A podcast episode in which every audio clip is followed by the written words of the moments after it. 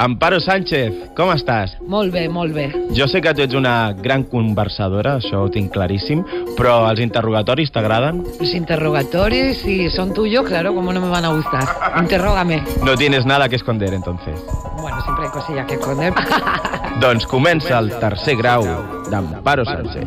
Mi nace la fuente y el rayo, el hielo se hace calor en mis manos, cimientos que no son de barro. A veure, Amparo, tu li cantes sempre a un possible món millor, però tu t'ho creus, això, que és possible? Bueno, yo intento, siempre digo que intento mirar las cosas que pasan que, son, que están buenas, ¿no? Porque normalmente por los medios de comunicación solo nos cuentan las cosas feas y horribles, violentas. Y en mi mundo, por supuesto que hay cambio y que hay un cambio de conciencia y si hablamos de feminismo también, canto para que un mundo sea, otro mundo sea posible. Tu mires les coses bones i a més amb un somriure, però no et cagues mai en res. Sí, muchísimas veces, claro, por supuesto. A qui li has dit que te den a la vida? Uf, a mucha gente y situaciones, algo que desgraciadamente sale en, en muchos aspectos, en personales, en laborales. Pero bueno, yo cuando escribí la canción, la verdad que la, la hice en un momento que estaba muy dolida, que eso es lo curioso, que la gente se- se alegra muchísimo cantándola y es un himno maravilloso, popular, porque al final, por mucho que llora por alguien, por un desamor o lo que sea, es bueno agarrarse al sentimiento. Adiós mi corazón, y que te den, que te den por ahí. Que no me supiste dar ni un poquito lo que te di. Que. Has estrenat Mamita Records, que és el teu propi segell discogràfic. Això és perquè ja no te'n refies dels altres? No, no porque no me fío, sino porque... Pero bueno, ahora decidimos a nivel familiar, lo estoy trabajando con mis dos hijos, con Yayo, con Mayito, y hemos decidido pues tener nuestro propio sello, lanzar nuestro trabajo, porque los tres eh, nos dedicamos a esto, y como te digo, ir recuperando mi discografía y, y que quede en mi sello. Ese es mi sueño, a ver si lo consigo. No, però què és el que toca una mica la moral de la lògica de les discogràfiques? Los veo muy sirvientes del capitalismo y de artistas que venden muchísimo y que tienen muchos artistas muy buenos olvidados que son los que hacen, bueno, van a pico y pala haciendo su carrera y no tienen ese apoyo, ¿no? Y para mí todo lo que venden no es lo mejor que se está haciendo a nivel de música, no se corresponde. Te hablo de las grandes compañías, Oye, ¿y curras con tus dos hijos porque así acaban mandando tú como madre? se crean, mandan ellos.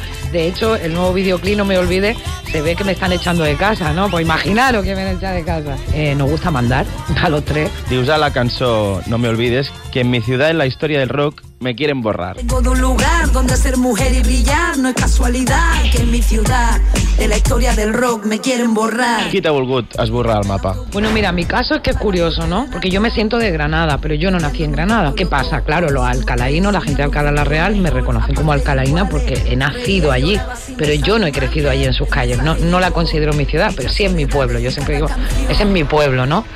Pero no es mi ciudad, mi ciudad es Granada. Y bueno, escribí esto eh, porque, bueno, porque algo que me dolió y que me lleva doliendo hace tiempo y es que no me reconocen como que yo soy de la movida del rock de Granada. Yo empecé en el 85 con un grupo que se llama Correcamino, salíamos en recopilatorio de la Diputación, estuve en concurso co- pues junto a Lagartija Nick, he hecho canciones con gente de 091, o sea, quiero decir, tengo una relación con todo lo que es los músicos. ¿Qué pasa? Que yo decido irme a Madrid y es como que ya no soy de Granada, me han borrado el mapa. Entonces, luego se hizo un documental de la música de los 80 en Granada y hubiera un grupo que me encantan, ¿eh? M-Clan, por ejemplo, que son de Murcia, y a mí no me llamaron para ese documental. Entonces, han sido una serie de detalles que yo he dicho, bueno, eh, me quieren borrar, pero yo fui la primera cantante de rock and roll en Granada a mediados de los 80. No había nadie más, y además soy mujer. Estàs organitzant el festival Esperanza amb una edició només de dones.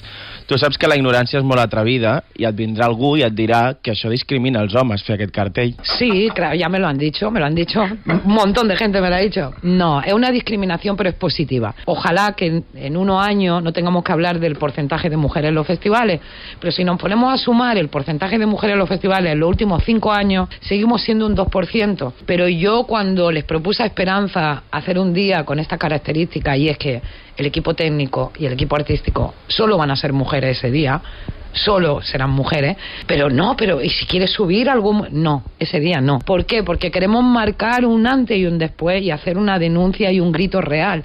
Y es que seguimos discriminadas. Y también para aquellos que dicen, no, es que no hay suficientes mujeres que hagan música. Bueno, nosotros nosotras vamos a proponer eh, 82 artistas, entre bailarinas, pintoras, DJ, eh, cantantes, música, más equipo técnico, vamos a ser cerca de 100 mujeres en un solo día. Com seria el món si les dones haguessin estat al poder? No lo sabemos, porque no ha pasado nunca. no nos han dejado nunca.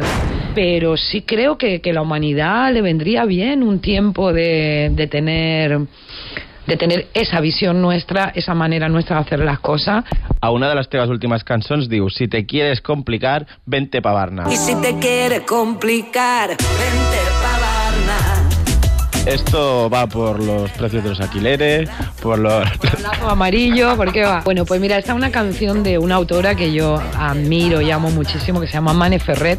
Le digo a la gente que no hagan caso de lo que dicen los medios de comunicación y que no se crean tanto que, que, que se vengan para Varna y que se compliquen, pero que se compliquen desde un punto de vista de vamos a abrir nuestra mente, vamos a respetar. Què penses d'això de treure llaços, posar llaços? Yo pienso que no habría que quitar lazos. Yo creo que los que quieran poner lazo de otro color podrían poner lazos de sus colores. Y creo que toda demostración de, de- de libertad de expresión pacífica, de ideología pa- pacífica, no puede nunca ser condenada.